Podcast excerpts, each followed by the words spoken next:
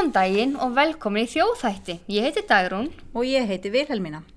Þátturinn í dag er til einhverjur jólunum. og við ætlum að hitta þjóðfræðinga hérðan og þaðan og heyra svona um jólinn í margvíslegu samhengi.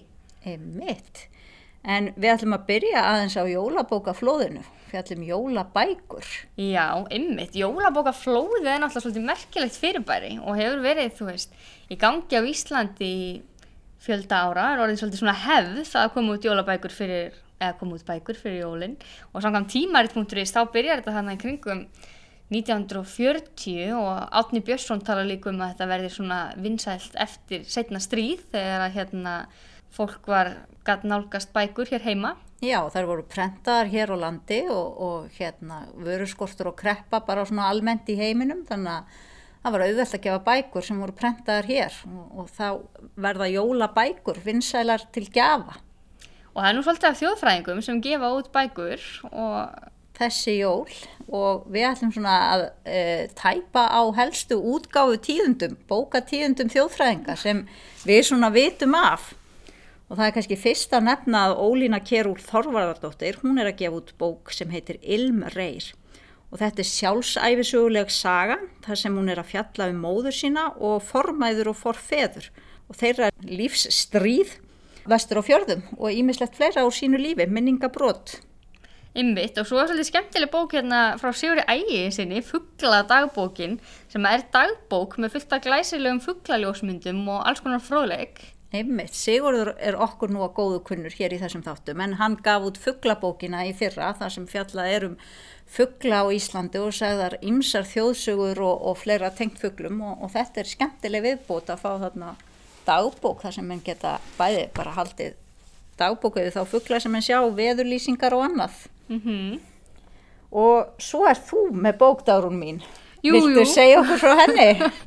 Já, ymmitt, ég og uh, Jón Jónsson, pappi minn og þjóðfræðingur líka erum að gefa saman út bók um álagabletti á ströndum sem að byggir á uh, síningu sem við opnum 2013 og núna er við að taka niður síninguna og okkur langa að gefa þetta út í bókaformi og þetta er einmitt ljósmyndir, sögur og markvíslur róðleikur um huldufólk og álagastaði.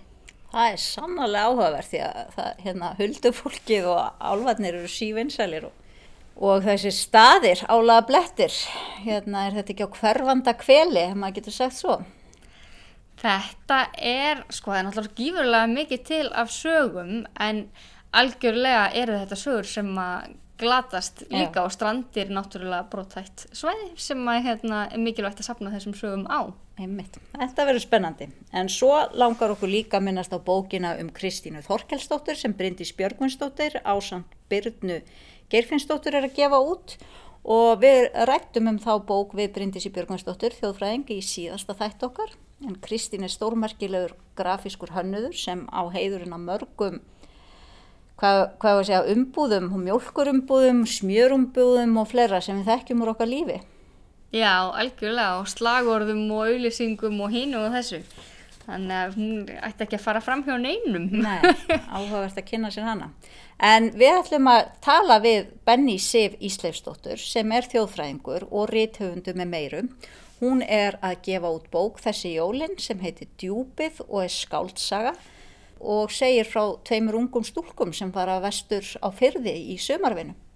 Skulum heyra í Benny.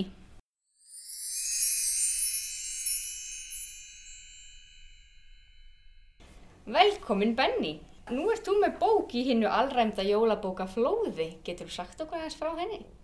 Já, það er eh, djúpið, bók sem að gerist á 1975 á kvenna árinu uh, í Reykjanesi í Ísafjörðardjúp og þannig að þetta heiti bókarina djúpið vísar svona fyrst í það en svo hérna, hefur það svona aðeins týraðari og, og, og hérna, frekari merkingu þegar, framlýður. Um, hún fjallar um hérna ungt fólk, háskóla fólk á þeim tíma úr hérna uh, sem að koma þarna úr svona líf, líffræði og þessum greinum, raunvísindagreinum. Valborg er aðalsögu hetjan og, og, og bókin hefst þegar hún er að ganga ofan brekkuna nýra BSI og er að fara til sumarstarfa þarna vestur uh, með búsæturöskun ríkisins. Og eh, þar hittir hún fyrir hina aðalsöguhetjuna sem heitir Ellen Ellen Ellerts og sem er ekki akkurat það sem að Valborg átti vona á. Hún hefði vonast til þess að akkurat þetta suma fengið svona smá kvíld frá svona útlitsspekulasjónum og gerði ráð fyrir að hitta fyrir einhverja svona lumur úr, úr raunvísindadelt um, en mæti þannig að síningastúlku módeli og, og sem er svona fyrirfæra mikil í fjölmiðlum á þessum tíma og, og það svona hindrast að ákveðinni, ákveðinni atbyrðarás innra með Valborgu sem að svona sýnir sér svolítið á ytra fyrðinni. Þannig að það er svona einn ássögunar og en svo fjallar það um þetta búseturöskun og, og hérna og búsetu, náttúru, auðlindir og já, það eru svona helstu þreðnir. og gerist 1975 þannig Já. að þú ert að skrifa hvaðan tíma sem þú ekki alveg þekki sjálf. Nei, Nei, nei, það er satt. Þetta er svona, samt myndi ég ekki segja að þetta veri sögulegskaldsaga. Ég, svona leik mig kannski aðeins of mikið til þess að, að, hérna, að það sé rétt skilgreining, svona, þó ég sé nú ekki bómdafræðingur. Um, en samt sem áður þarna það er verið að opna veginum djúpið þetta ár og ég, ég læt það svona vera að gerast og það er hvern ár en það er svona fyrst og fremst þetta tvent sem ég er að, er að leiða saman. Og svo þessa einangrun sem fæst með því að, að hérna, þessi hópur uh, þessa háskólafólks og tvekja yfirmanna kalla gisti í þessum skóla yfir sumarið í þessari vinnu eða við þessa áætlun eða aðgerð sem er að bjarga djúpinu. Og, og hérna og er svona kannski meira í orðin og borðin sem er sumar aðgerðir og, og, og hérna og svona nefndir sem skipaðir eru og svo leis já, já, akkurat. Algjörlega. Og þó hún gerist 1975 þá á hún kannski ákveðið erindi samt í samtíma núna. já það er nefnilega það sem ég hef vonað sko. Uh, uh, því að hérna bæði þetta varandi brot þetta byggðir sem er náttúrulega knýjandi ennþá í dag en, en nú er það ekki hérna sveitirna bara heldur eru það litli bæðinir sem að eru orðnar, orðnir svo brotettir við um land og, og þetta er svona þannig eitt af svona okkar umhugsunarefnum. En svo er það líka með þessa baróttu Valborgar þegar hún fyrir að spekla sig í Ellen. Og að hérna og henni, hún, henni finnst hún alltaf tapa í þeirri í, í þeirri hérna samkeppni sem að hún býr sér til. Og hún vil fara að leggja af. Mm. og það endar svolítið eh, með ósköpum. Þannig að þetta er svona öðrum þræði mitt fjallar um ádröskun Mm. Og akkurat núna eru mm, lengs, lengri bygglistar en nokkur sem hafa verið eh, bæði hjá bugl og, og hérna fyrir fullorðna varandi þessi vandamál Mhm. og já þannig að það er líka eitthvað sem að, hérna, er núna komið upp á yfirborði en átti valla nafn þarna sko og ekki fara að tala um um svona einhverjum erlendum greinum mm. Já, mjög áhugavert.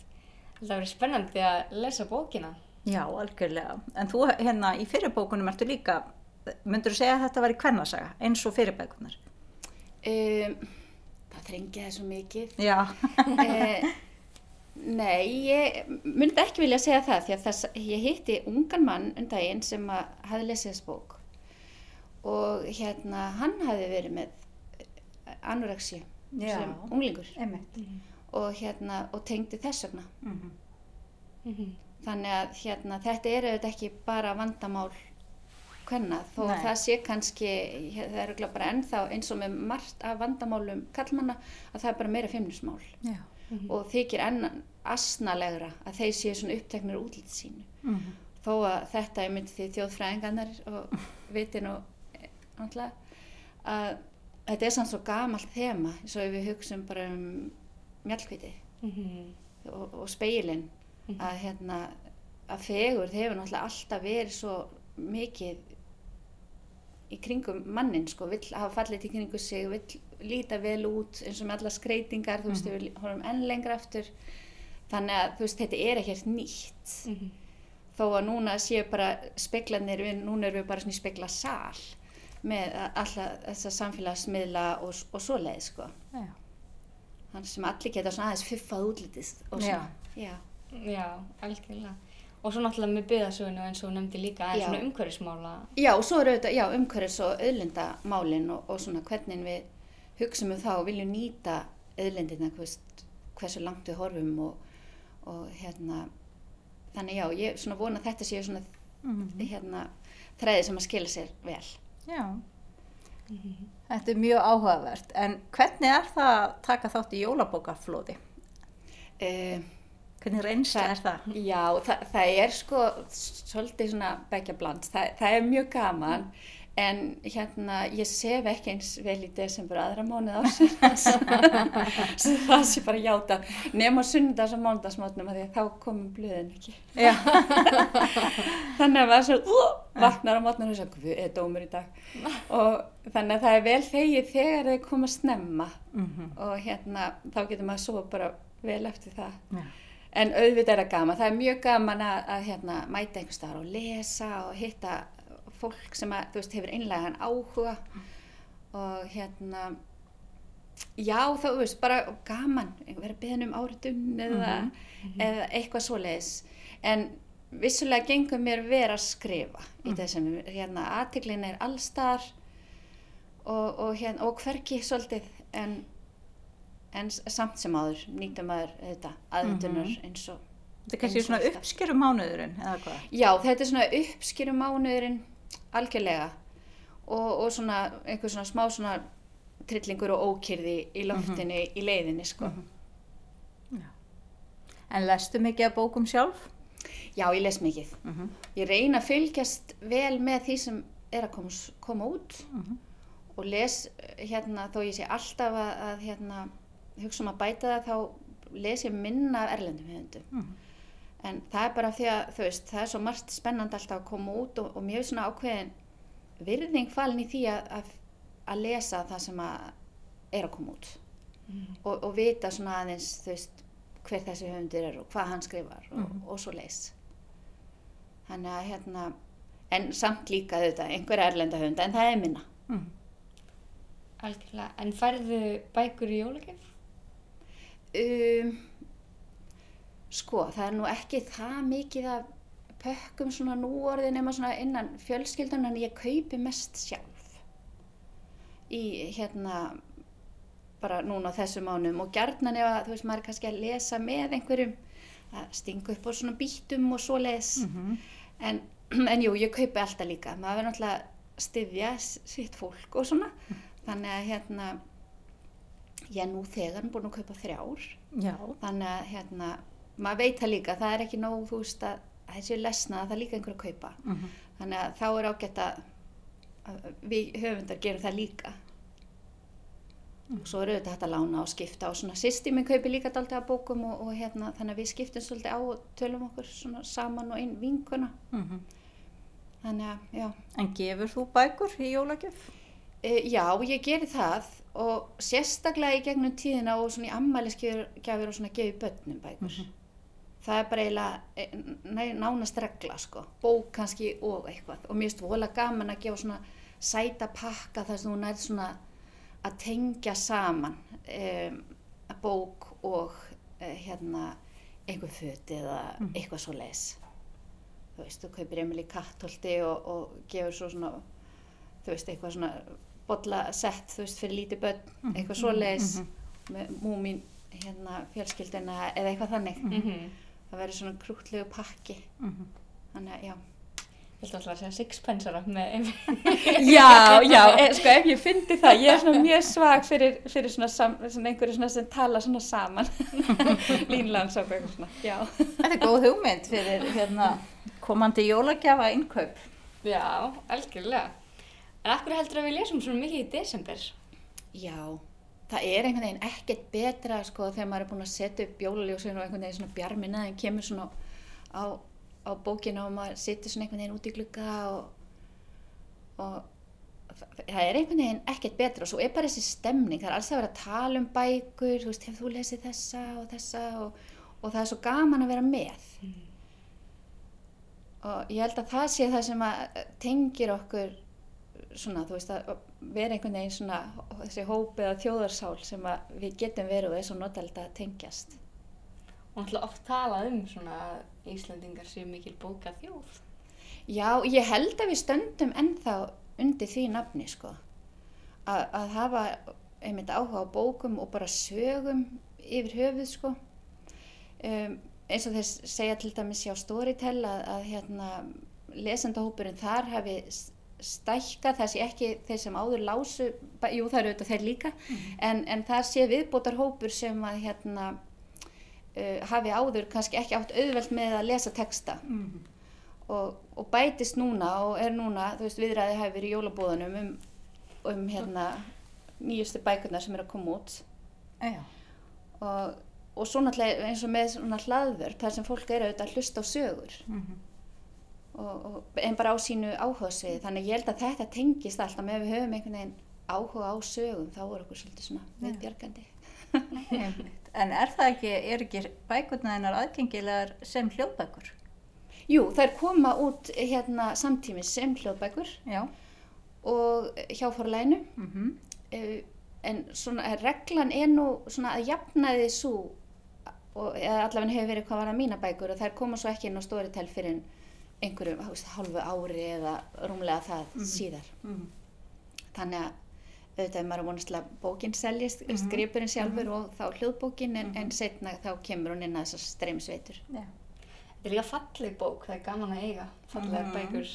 Já, svo er nefnilega það, þetta er svo miklu gripir og, og hérna Alessandra Búl sem að hannar kápuna er náttúrulega algjörlista maður, endur tekur sér aldrei, er einhvern veginn alltaf með eitthvað nýtt og, og hérna gaman að sjá hvernig hún vinnur, svona ekki út frá texta, hún svona að vita bara um hvað bókin er og kemur svo skemmtilega spurningar. Og, og s- þá er hann einhvern veginn komið með eitthvað svona sem verður að myndi í, í, hérna, í huganum á henni. Og einmitt eins og bara stafagerðin framan á bókinni, djúpið, það sem að úið verður svona djúpt og, og hérna, og maður bara svona, já, þetta, maður fattar það svona eftir á. Já, um mitt. En kannski að lokum, ert þú með einhverja bók eða bækur á óskalistanum fyrir komandi jól? Já, sko, ég er náttúrulega búin að nálgast það sem ég langar mest að lesa, um, þannig að maður minn var eins og að byggja um, um, um bók sem hann væri til í að lesa, hérna um, um læknin í eldúsinu. Já, matræslubókina. Matreiðslubókina Já. og um, hann er nefnilega svo mikið í eldúsinu, miklu meir en ég Mm. og þannig að það er allavega það sem ég þarf að mun eftir að, að hérna, nálgast fyrir hann en já, spurning svona hvað ég geymi að lesa til jóla, ég er svona ekki ekki alveg búin að ákveða það hver, hver verður jólalesningin Já. Það verður eitthvað konfekt. já, já, já, það, það verður eitthvað það verður, sko eitthvað lesið Mm Af nóg að taka. já, Algjörlega, heyrðu, takk kærlega fyrir spjalli. Benni. takk sem leiðis, gaman að koma til ykkar Takk.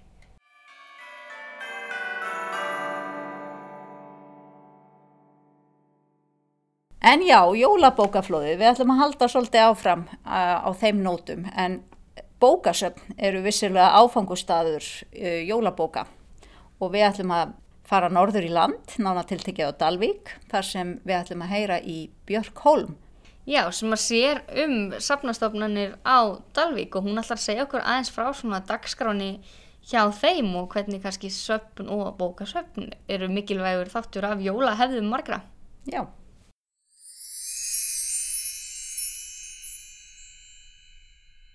Velkomin Björk! Takk fyrir.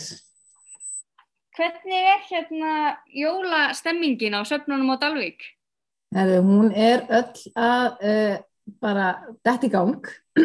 Nú vorum við að tilkynna í gæra, við ætlum að uh, byrja með, eða sko, já, þetta er nýtt í raun og veru, en hugmyndin er alls ekki ný. Hún kviknaði uh, áður en að COVID kom og hver mann svo sem eftir hvað maður ætlaði að gera þá. Þá var ég þess búin að fá þessa hugmynd að vera með uh, sameigilegt jóladagatal fyrir öll söfnin á Dalvík sem væri þá bókasafn, byggðasafn og uh, hérskalisafn.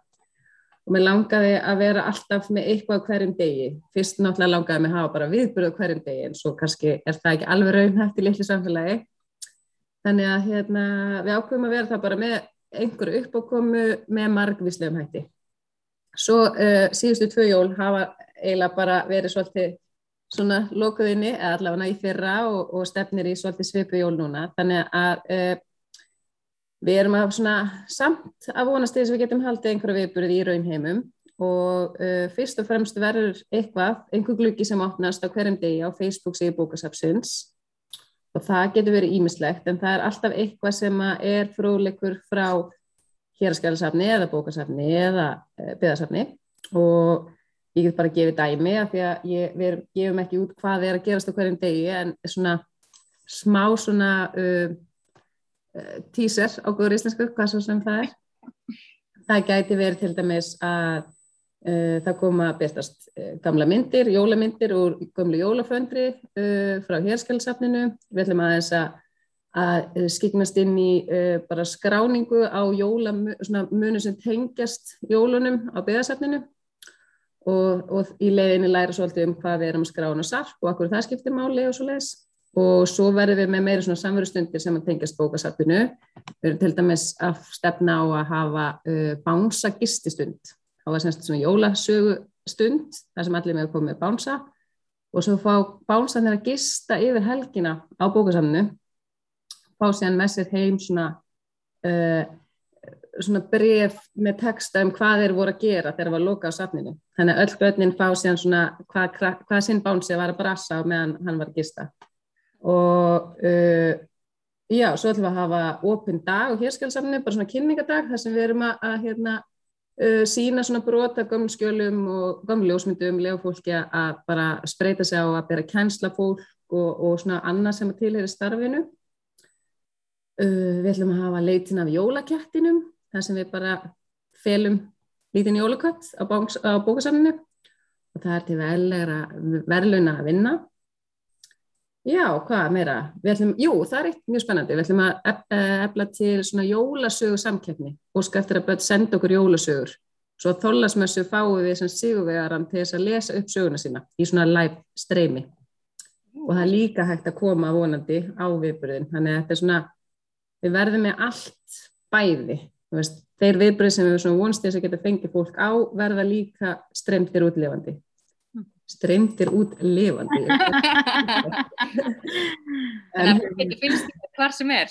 Já, það er svona og svo ætlum við að taka því við hefum verið með hérna, að byrja með eh, við hefum verið með vetur stólajóka við ætlum að taka eina svona mjög nöðsila jólaslökun og hún verið bæði hægt að mæta á staðin eða fylgja sinna heimistóðu Þannig að það er svona eitt og annað sem er á döfinni. Þetta eru 24 mjög spennandi hlutir sem að hérna, og uh, heyrst hefur að örgiskerfi hafa farið í gang á byggðarsafninu af því að, að einhvern lítill jólálur vakna þar í morgun. Þannig að ég er bara að fara að kíkja hvort að hva hefur verið að bralla þar í morgun eða nótt Mjög spennandi, þetta eru skemmtlegt gaman að sé þetta fylgjast með þessu Já, þannig að þetta á að vera á að vera aðgengilegt öllum landsmönnum af því að við erum með fylgjendur eh, hérna uh, á öðrum stöðum en bara í okkar sveitafélagi sem er það bara mjög gaman.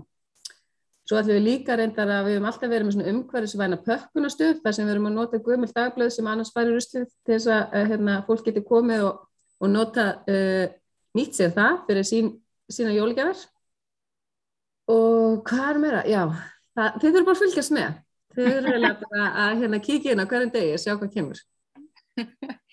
Já, það er nú partur af þessu jóladagstringum, þetta sé svona óvænt, sko. Já, ymmit, já, ég er kannski búin að gefa alltaf mikið upp. Nei, nei, nei, nei. Hæfilega mikið, þú ert búin að skapa já. góða spennu. Já, það er gott, það, það, var, það var hérna ætlunum. En hérna skreitið mikið á safninu fyrir jólinn, fyrir gæsti sem koma? Já, við svona höfum sko, uh, við höfum haft þetta hóflegt, en þó svona mjög jólalegt og hátilegt. Húsið náttúrulega sem slíkt er hérna, uh, að mestuleiti til gluggar og uh, það er rosalega mikið að ljósum hjá okkur í glugganum. Það svona, kemur svona regn, þannig að það er það er, það er, eitt og sér er svolítið mikið bara skreitingin okkar er bara húsið, að það verður svona mikill jólandi í húsinu. Þannig að við erum svona laumum einhverjum hérna, jólahöttum hér og þar en erum svona að passa okkur að sé samt ekki alveg, ekki alveg svona offlæði.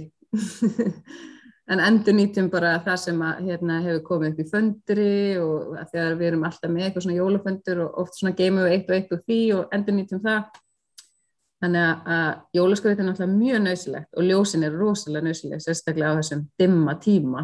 Mm -hmm. Þannig að ég bara er alltaf mjög spennt að hérna, geta að fara að lýsa hans upp í kringum mig. Og svo erum við starfsmennir, uh, við erum alla konur og við erum hérna, uh, svona mispeppar fyrir þessu en það er semst jólakjóla þema í desember. Mér er allt svo kallt og ég, þú veist, ég á pínu erfitt með að fara úr hérna föðurlandinu og öllapessunni en uh, allir dagar desember eru kjóladagar. Ég veit ekki eins og hvort ég á nú marga kjóla til þess að standa undir þessu þema en, hérna, en það er bara gaman. Þannig að við svona, erum að reyna að setja okkur sjálfar í jólabúning á sama tíma og, og hérna, húsið fer í sinn. Já, það er nú mjög hátíðilegt. Þú var að gera jólakettinum, hugsaði ég. Nei, et, et, sko, ég á enga nýjan kjól, sko. Já, það er einhverja kröfur. En hérna, en við verum volað fínar. Ef ef við endum í kettinum, þá förum við allavega fínar í hann. það er mjög gott. en söpun eru svolítið svona, því það er mikill samveru staður og það er kannski orðin hluti af jóla hefð margra að skella sér á samt. Já. Já, ég, sko, við hefum alltaf haft hérna uh, byggðarsafni opið uh, sérst, eitt kvöld í desember. Við hefum svona tengt að við erum, er alltaf hérna svona sérst, fyrsti fymtudagurinn í desember uh, er alltaf aðvenduröld í Dalgubið. Reyndar færði mann til nýjunda núna, bara í ljósi takmarkana og eitthvað svona. Það verðum vonast til þess að kannski gerist eitthvað nýtt fyrir næstu helgi, ég veit það ekki.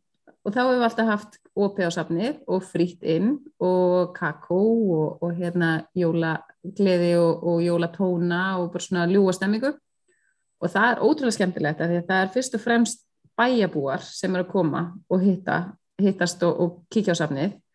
Og þarna erum við svolítið að fá aftur fólki sem að kemur ekki yfir sumatíman eða kemur ekki svona alla jafna að borga sig inn en, uh, en er til að kíkja svona í þessu samhengi og kemur kannski með börni sín eða barnabörn eða eitthvað þannig. Og þarna eru svolítið náinn fólkinu sem að, segir oft bara, já ég er búin að fara að byggðasafnið, þannig að ég fór hann að 98 eða eitthvað eins og það sé bara tjekkað út úr bóksinu og þurfur aldrei að fara aftur. Veist, þetta er svona, mér finnst það mjög mikilvægt að það sé svona þessi dagar sem við fáum bara hefumennar til að koma og kíkja við þó svo þau hafi komið áður Þetta sé eitthvað sem megi gera oftar en einu sinni, jafnvel á hverju ári. Þannig að mér finnst það alveg órjúmanlegur partur af þessar aðvendur hefð hér að hafa opið kvöld á byggðarsafninu. En svo er náttúrulega bara bókasafni rosalega mikið nota fyrir jólinn og núna eru bók, jólabækurnar að hrannast inn, þannig að það er bara uh, mikið að gera, mikið að plasta, mikið að skrá inn og, og hérna og fólk að skrá sig á bygglista og þannig að það er alveg svona ákveðnar hefðir kringum jólubækunar líka, mjög sterk. Og hér skjálasafni er bara alltaf klætturinn, það stendur að sér alla storma og ekkert rosalega mikla sveplur í því, en, en hérna, jafn mikilvægt einhvað síður. Algjörlega. Er þú mikið jólabann? Já, ég er algjörst jólabann, ég er bara, og ég er að upplifa mig á einhvern nýjan hátt núna sem sko, ég er að endur upplifa jólabann í mér sem móðir. Núna er ég að uppfylla einhverjar hólur sem mér fannst ég ekki fá þegar ég var bann, eitthvað svona brjálaðisleg jóladagatöl. Uh, við erum með sérst hérna uh, og eitthvað svona plan og alltaf, alltaf gera eitthvað, þannig að ég er mjög, mjög mikið að njóta þess að vera jólabann sem mamma og börnum mín þurfa bara að þóla það. Önnur þeirra, já tvö, önnur þeirra mjög til það, hinn, henni fyrst ekki spendi. Hún er svo pappi sinn, þannig að hérna, þau geta verið bara saman eitthvað. Við erum sko, ég var hérna um mitt, ég svona áttæði með á því þegar komið minnætti í gær og ég var enda á föndra eitthvað hérna jóladagatal fyrir stelpunar, bara ég er, ég er akkur þessi mamma sem er bara eitthvað svona langt fram eftir og síðustu stundu samt en alveg með fullt hjarta í að gera vel sko. En aldrei með þetta tímalega. Og vinkonum mín sagði bara ég held að það sé pínu partur af því að vera bara þessi mamma, er að vera með allt á síðustu stundu og vera að skýta mix þetta á, þú veist, á lokasprettin ég bara, já, ok, ég til í það. Ég til í þá, hérna til í þá svona almennu staðhæfingu. Og, og hjá okkur erum við núna með semst, eh, ég hef alltaf verið með hérna bókadagatal. Þá hefur við bara þrætt nýttjamarkaði uh, í hérna svona nokkra mánuði fyrir jólinn og svona uh, fundið bækur sem að mér finnst skemmtilegar og langar að dætið mínar lesi og fannst bara svolítið mikið kannski að því að það eru tvær núna að vera með sko 48 bækur. Þannig að ég ákvað svona að blanda að stundum er bók sem er fá á morgunni til og svo lesum við hann saman á kvöldin að hann fyrir að sofa og stundum er eitthvað sem við gerum. Og ég er eh, alveg að passa mig á því að, að það verði ekki bara kvöð. Það er svo mikið plan að maður verði bara úrvinda eftir jólaháttíðina þannig að það sem við erum að gera saman er bara rosalega uh, minn, svona uh, hvað ég segja, það er svona rosalega viðráðanlegt og ég ákveða daginn áður þannig að við séum öll bara samstilt á orkulevelinu. Þannig að hérna, ég er rosa spennt og ég held að ég sé spenntust á heimilinu fyrir þessu og það er alltaf þannig En að þið erum búin að tala svolítið um bækur og það er svona smá jólabóka þema í þessum þætti hjá okkur. Já, ok. Er einhver jólabók sem er óskalistar með þér? Uh, sem er langar að eiga? Já. Það er sérst að fá í gjöf? Já, og lesa um jólinn. Það er nefnilega þannig að, hérna, uh, að mér hefur ekki verið gefin bók síðan ég byrjaði hérna, uh, á bókasafninu. að bara fólk gerir bara ráð fyrir því hérna, að uh, að ég bara lesa allar bækuna sem er á bókasafninu. Þannig að hérna, ég væri rosalega til í bók. Og bókin sem ég er búin að að býða eftir núna að koma inn af því ég er líka alltaf svo tillitsum að ég leifi öllum að, að hérna, öllum gestum sapsins að lesa fyrst áður en að en ég les bók, jólabækunar alltaf bara einhvern veginn janúar, februar en mér langar rosalega að lesa hérna Ar Ar Arnaldur Indriðarsson Deyr af því að Bræði Páll er bara í gríðalegu uppáhaldi hjá mér og ég held að ég myndi bara gærnan vilja fá hann í jólugjöf einhverjur hlusta. En það er mjög margar sem, að, sem ég er spennt fyrir sko. en þessi bara, ég, ég bara já, ég er svo mikill aðdáðandi hans braga að uh, mér finnst þessi sögurþráður og bara ég er hann tala um hann í kiljunni og ég bara já, þetta, þetta verður bókið mín ég ætla að ná henni um jóli Erðu frábært, takk fyrir spjallið Björk og Já. Jóa Óskin þín er komin í loftið. Við já, það væri mjög gaman Takk fyrir. sem er leiðis og gangi ykkur rosa vel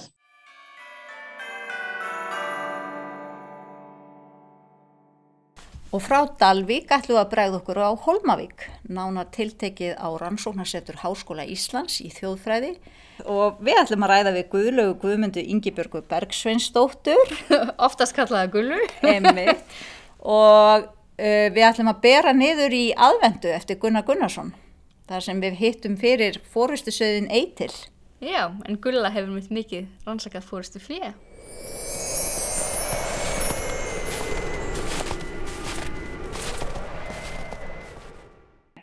Velkomin Gulla. Þú hefur, rannsakað, rannsakað fórustu flýja. Sumir gætu haldið að það tengdist jól, jólunum ekki mikið en frægasti fórustusöður Íslands, hann tengist einmitt jólunum, eða ekki? Jú, hann Eitill sem var góði félagi hans fjallabensa eins og hann var aðalega þekktur sem að sem sagt Benedikt stundaði þetta að fara að leita eftirlegu kindum kindum sem urðu eftir uppi á fjöllum eftir að eiginlega smalamennskur voru búnar þá er alltaf eitthvað sem að felur sig í snjósköplum, í giljum, bak við einhvern einn hól sem að enginn einhvern veginn næra sjá. Og hann fór ásand fórustu sveiði og hundi sem ég man ekki hvað heitir. Þeir fóru upp á fjall saman að leita að kindum.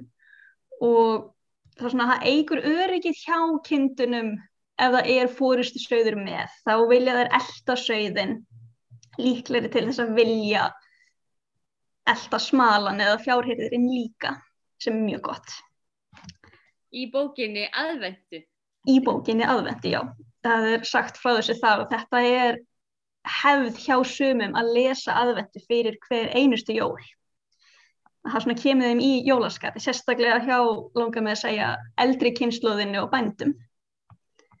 Já, ymmit. En hjá bændum, nú ert þú líka hérna úr sveit. Jú, jú, Er einhverju svona sérstakir, einhverju sérstakar jólahefðir hjá ykkur? Gefið þið fórstu fínu og kynntunum eitthvað ekstra hátílegt að borða þeim jólinn? reyndar ekki sko. Það er, uh, svo þegar ég hef verið krakki að þá á aðfangandag þá náttúrulega hafði mamma mikið fyrir því að reyna að gera mjög á bróðu minn hrein, koma okkur í styrtu og ekki hafa okkur ángandi af fjárhúsunum. Þannig að það hefur alltaf bara verið pappi sem að fór, fór og fer út í fjárhús á aðfangandag. Og ég veit ekki hvort að hann gerir eitthvað sérstakt, ég sannleika sagt. En almennt, nei, þá höfum við ekki við að gera neitt sérstakt fyrir það. Stundum hleyp ég út í fjárhús með jólasveinahúfu eða svona reyndirahort sem þú getur látið á höfuðið á þeim, læt á þær og tek myndir af þeim. En uh, annars er það mjög lítið. En hjá ykkur, eru þið, hver er svona þínar helstu jólahefðir? Þær eru mjög fáar. Uh, sagt, heima á gróðustuðum þá höfum við allavega sem sagt, þegar ég var yngri og ennþá ef ég get þá hleyp ég yfir til afa. Sem sagt amma og afi byggu þarna í næsta húsi við mig og alltaf eftir, eftir matinn, eftir pakkana þá hljóp maður yfir til ömmu og afa og satt hjá þeim í smá stund og sagði hvað maður fekk í jólagjöf og svona. Mjög krútlegt. Uh, við erum mikið núna með erlenda sjálfbóðaliða hjá okkur og búin að vera með einhverja erlenda hjá okkur síðan jólinn 2014 og við leifum þeim svo lítið að koma með matarmenninguna sína til okkar. Vistu, við höldum jólinn á aðfakataskvöld af því að við erum á Íslandi og við erum Íslandingar með krakkana en það er ekkert heilagt með matin. Við höfum verið með fimm mismunandi rétti, veist, einhver frakki eldaði kanínu eftir einhverju rosalegri uppskrift frá langamur sinni eða einhver eldaði sko hana sem að við höfum það ræktað úti í fjárhúsum og aftur, þú veist, eftir, þú veist, uppskriftinni frá þarna langa með frængu sinni eitthvað eitthvað. En annars er það bara, við veist, við reynum að hafa matinn klukkan 6 við reynum að opna pakkana eftir matinn. Ég er mjög mikið í því að hérna, já já ætlum við ekki að fara að opna pakkana? Svo sit ég og hendi pakkunum í fólk. Svo, svo sé ekki allir hérna í hrúinni og ég er búin að gera það sem ég var krakki. Uh, og jóladagur er oft afgangadagur.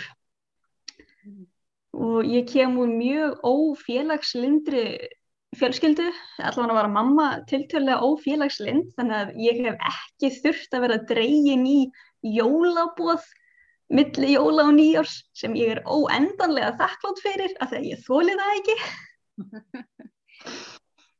Uh, algjör óþröðu að þurfa að draga fólk hérna til allra ættingjana á fimm dögum Það eru örgulega fleiri sem eru sammálað en þetta. Manni finnst maður hafa heilt svona í umræðinni þetta með að róa sæðins hérna.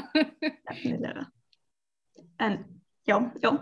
Ein, Leo, hund, hundurinn hjá fjallabensa heitir Leo. En hérna, veistu þá eitthvað hvernig jólin verða núna? Veistu hvað þú mynd fá í jólamatinn? Ekki hugmynd. Nei. Uh, það hefur alla líkur á að það verði uh, heimaregt hangikjött einhver staðar í þessu. Og veit nú ekki hvort það verði kanínur, við erum nýbúin að slátra hönunum okkar. Þannig, að- og við eigum eftir einmitt að finna út sko, hvaða, hvaða fólk verður hjá okkur á jólunum. Allavega eitt franskt par þannig að ég bara ég býð spennt, ég er mjög spennt að sjá alltaf hvað jó- verður að, hérna, í matin á jólunum ég gerir mjög lítið sjálfa þegar ég er ekkert mikið í því að elda en ég get gert ís í eftirrétt Já, það er nú mjög gott. Æ, Mhm. hérna. það gagliðasta sem ég lærði í hústjórnarskólanum í fyrra ég trú ekki að þetta að játa í þessu vittali því bæði húsarskóla gengin og eldir aldrei. Herri, en ég lærði allavega að gera ís, það er mjög mikilvægt. Og sósur, ég lærði að gera sósur, einnig mjög mikilvægt. Því, það er mjög Mhm. mikilvægt hérna. Meðlæti og sósan skiptir jafn miklu máli og jólamaturinn sjálfur, myndi ég segja. Algjörlega. Nefnilega. En þú sagðir að þú væri spennt fyrir jólapökkum. Ertu að vonast eftir einhverju sérstöku í jólapakkan í ár? Nei, í raun og veru ekki. Nei, jú, ég var auðvitað að nýta þetta til að gefa einhverjum hugmyndir. Uh, nei, veistu, það er ekkert sérstakt. Ég er alltaf bara ánað að sjá hvað fólki dettur í hug. Uh, veist, skemmtilegustu pakkarnir er yfirleitt eitthvað sem að er sko heimatilbúið. Sama hvort það sé veist, handverk eða matur eða eitthvað svoleiðis. Ég elskar reyndar að fá mat í jólagjöf veist, það er gott fyrir umhverfið, það nýtist, það verður borðað, þetta er ekki sko skrítin stitta sem að fer upp á hillu og ríkfellur síðan. Þannig að matur í jólagjafir eða eitthvað handverk, það er, það er toppurinn. Og bækur. Já, Eiginlega sama, sama hvaða bækur það eru, ég er yfirleitt alltaf í skíunum með þær. lestu mikið um jólinn? Já, ég geri það. Uh, það var eins og fleiri af minni kynsluð. Þá voru Harry Potter bækurnar mjög reglulega í jólapökkunum hjá mér og það var bara, eftir að ég var búin að fá hana í hendurnar, þá gerði ég ekkert annað næstu sólarhingana en að lesa. Og bara aftur það er þetta með ófélagslindi fjölskyldina, við vorum bara mjög sátt með að sitja heima og lesa í svona þrjá sólarhinga. Þannig að það er, það er, jó, jú, það er ein hefð það, það er jólinn fyrir mér, það er bara að sitja út í horni, borða alla afgangana og lesa. Hljómar sannlega vel. Takk kælaði fyrir spjallið, Guðlaug, og bara gleðileg jól. Sömu leiðis, gleðileg jól, gangi ykkur vel. Við leis.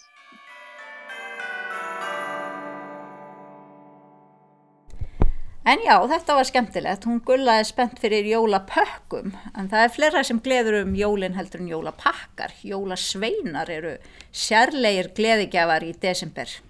Já, það koma náttúrulega oft með alls konar jólagjafir. sko. Já, en einmitt. En við ætlum að heyra í honum uh, Guðmundi Þorvaldsinni sem að er að rannsaka jólasveina í samtímanum en hefur líka starfað á hérna þjónustu miðstöð jólasveina. Já, hann er þjóðfræðinemi sem hérna sérhæfi sig í, í jólasveinum. Já. Getur við sagt það? Já, ég hugsa að við getum sagt það og hefur sérstaklega góða innsýn inn í líf þeirra og störf. Já. Þannig að við skulum kíkja á hvað hann hefur að segja um það.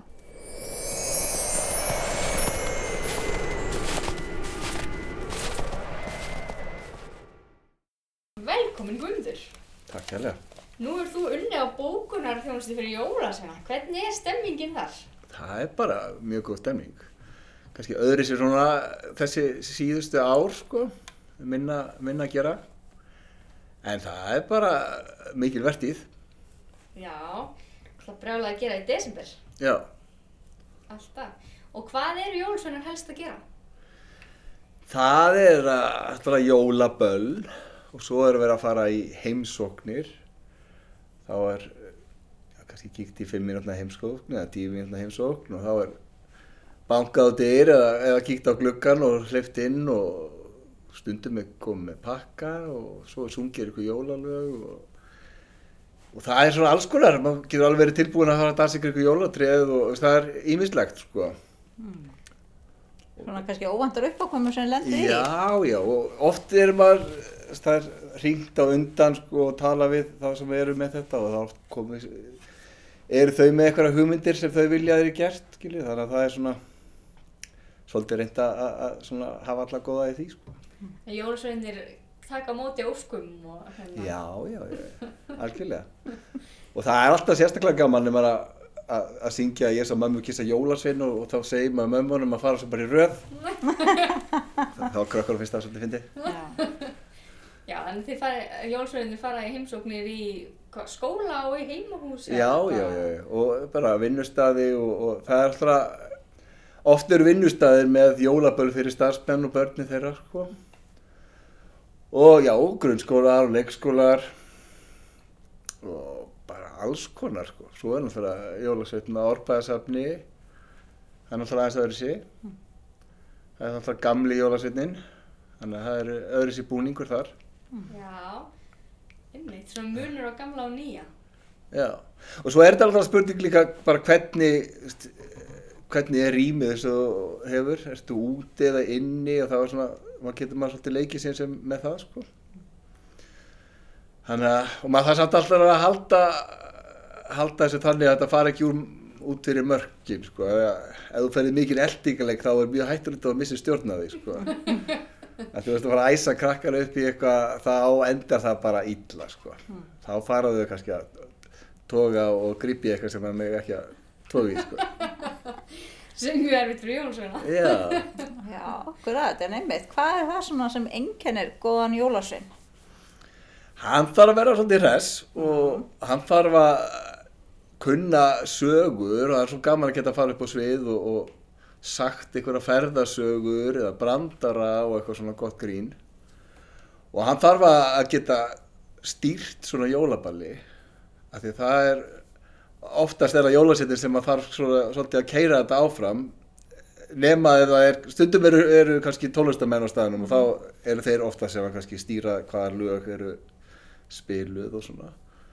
Og jólasettin þarf að kunna þessi jólalög. Það er svona Hafa góða söngröð kannski?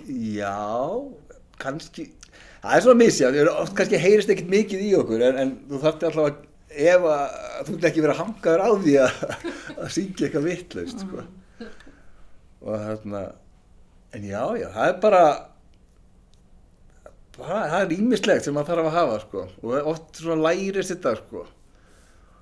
Og svo er náttúrulega, þarf maður svolítið stundum að tækla kannski eldri krakkar sem að eru ekki komin til að svona trúa á jólasveinu skilju, eru kannski frekar komin til að, koma upp um hann sko.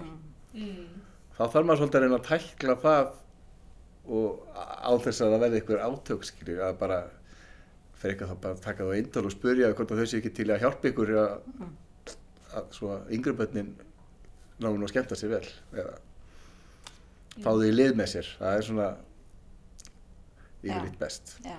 Mm -hmm, en íslensku jólasveitin eru líka svolítið svona prakkara leigir. Já, Þannig þeir eru kannski ekki alltaf, heiða sér ekki alltaf vel, eða má segja. Nei, það, já, já, mér, ég veit að þegar við höfum verið hérna í árbæðasafni þá er, þá er það úti og það er rosa mikið hægt að hlaupa þar um og það er kannski aðeins öðru sig að fara í eldingaleik þar og þá er oft tekið leikurinn að að stela hangilæri úr gamla bænum og börnin fara á eftir og reyna að nála lærinu aftur, sko. Og þá er alltaf kjötgrókur með, sko. Og svo erum við bara alls konar að fara inn í hinn og þessi hús þar sem hefur verið að gera eitthvað og, reyna að valda einhverjum usla sko. Við höfum alveg lendið einhverju vesinn og brotið eitthvað og það er þá bara, maður getur bara að spila það og þetta er bara jólasveinar sko. En heiðar jólasveitnin sér öðruvísi eftir hvort hann er auðklættur eða í gömlufötunum? Í- Ekkert svo mikið sko, en samt, ég veit það ekki. Það eins og sé, þetta fer svolítið eftir umhverfunu og, hvað hefur mikið plássi að gera eitthvað sko. Og þarna, þarna, já, kannski er hann meiri, meiri svona prakkari sko. Og það fer líka bara, já, svona alls konar eftir búningnum og hvernig veðrið er og það er svo margt sem að spilar inn í hvað þú getur leiftir sko. Og, og svo fá það líka alltaf að hugsa sko hversu gömul er þessu börn? Af því að þú fer svo kannski á leikskóla ungbarnaleikskóla eða eitthvað þá þarf þetta að vera alveg ekstra rólegur sko. þannig að það er svona ímislegt sem maður þarf að huga að. Þannig að það er mjög fljótt ef að eitt fyrir að gráta þá fyrir næsta gráta þannig að það getur verið svolítið erfitt að spila í gegnum það sko. Mm. En átt þú þér uppáhalds jólasvein? Já, ég er oftast gluggagægir en það er svona, maður reynir að velja sér eitthvað jólasvein sem þú getur eitthvað leikið með og, og ef að það eru til dæmis gluggar á húsinu sem þú ert að koma þá er svona, reynir maður að hafa innkomuna þannig að þú fyrir fyrst á gluggan og bankar og gerir allt byrjala sko. og við höfum oft haft það fyrir grína upp á þessu húsi hjá gluggageir að fara í hörpu af því að það er svo mikið af gluggum. Og það er svona ég veit ekki, já já það er allir það sé ekki svona það er sá sem ég allavega er oftast. Svona tengir mest við. já, Það er kannski ekki gott. já, nei ég veit ekki ekki tósalega En þú ert líka úr Vestmanheim já, og það eru svona sérstakar svona jólahæðir, er það ekki? jú, jú það er svona kannski sérstaklega kringum 13. og þá er svona mikið búið að búa til stórt leikrit svona að að jólasveitnir koma niður úr fjallir og kveðja sko. þannig að það var alltaf gaman maður kannski beigð út í glugga þegar maður fór að sjá ljósin byrtast sko, það fyrir að kveikja á kindlum þá kannski maður kannski fara að gera sér tilbúin að fara í bæ og svo koma það niður fjallið uh, ég veit ekki hvað þessi velið þekki vestmann er en þetta er hérna rétt hjá spöngunni, spröngunni og þar, þar koma þið niður. Og þarna svo býður það bara skrúðganga sem eru tröll og gríl og leppalúði og alls konar líður uh, og þar spilum mikið jólatólist og þeir standa okkur um pöllum og, og keira um allan bæinn og farið svo upp á Malarvell sem er svona stór svona fyrirverandi fótboltavöllir sem er fyrir neðan hérna mentaskólan og það er kveitt á brennu og, og bara já alls konar húlum hæ í kringum, það eru álvar og tröll og, og, og stundu púkar og, og alls konar spiluð spiluð jólalög Til að loka jólunum. Já. svona. það er rosalega mikil stemming Og þá eru allir jólasveinarnir sko, komnir saman. já, Já. Stundum er þess að fleiri sko, Nú, nú. já, ég hef til dæmis einu sinni verið hérna svona auka kall sko Já. þá þannig að ég var nú þá 14 að, en það er engin að telja sko þannig en, og, hana, en þá var ég á pallinum með mikrofón og vera svona fyndin kall svo að meðan hinnir voru bara þá stóð ég þar bara með gríl og leppalúa og, og meðan var að vera að keira á völlin sko. Þú kannski kannski verið einn af þessum gömlu sem að við vorum mun fleiri áður en þessi 13. Já, kannski, það var svo sem aldrei ég þurfti svo sem ekkert að segja hvað ég hét sko. svo þegar allir eru komin á völlin og þá eru alltaf svo margir út um allt og þannig að það kannski taka ekkert margir eftir því sko. En þetta er kannski svona stór jólahefð í þínu lífi. Já. þetta er mjög, mjög merkilegt og þetta er orðið rosalega stórt sérstaklega í dag, ég veit nú ekki hvernig þetta var í fyrra en hérna, þetta er núna orðin alveg heil helgi í Vestmannum og þetta er bara svona bara stór hátíð sko.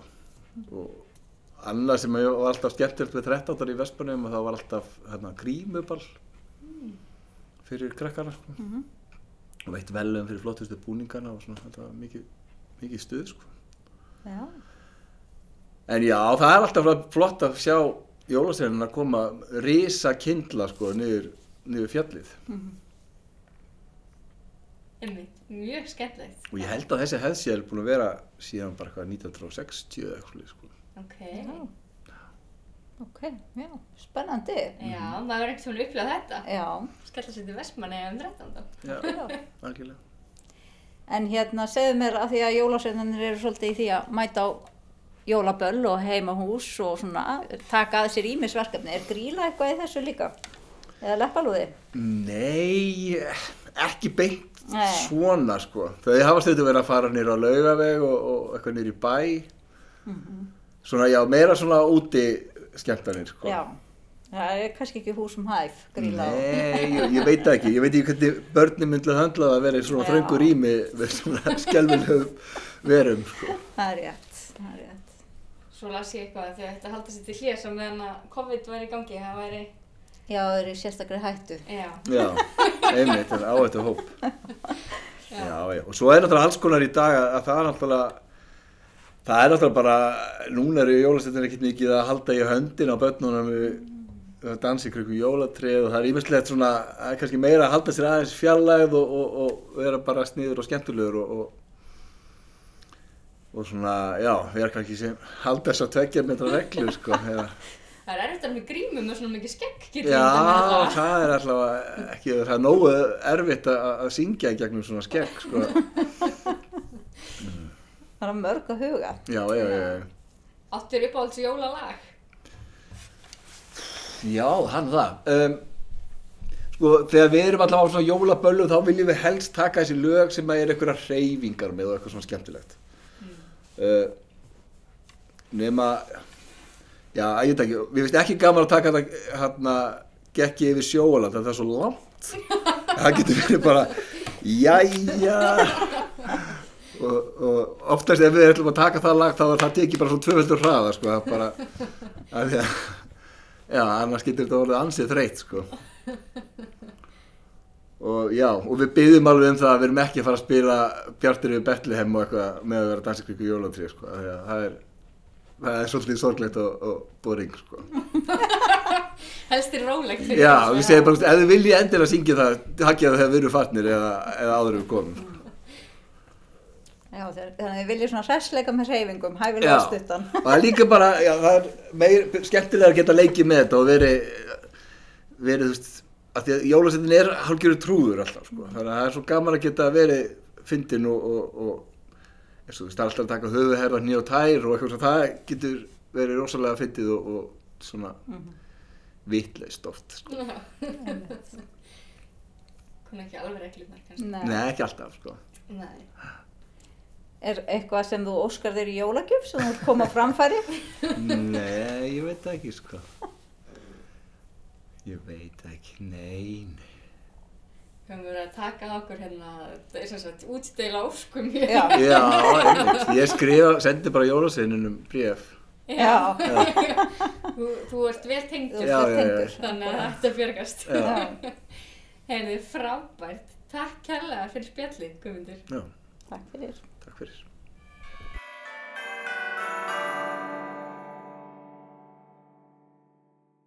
Já, þetta var ótrúlega skemmtilegt. Það er alltaf gaman að fá nýjar fréttir af jólasveinunum og, og foreldrum þeirra. Heldur betur. Og við sendum hlustendum okkar sérstakar hugheilar jólakveðjur. Dagrún og Vilhelmína óskar hlustendur hlaðvarpsins þjóðhátta gleðilega jóla með þökk fyrir samfélgina á líðandi ári. Sjáumst aftur á því næsta.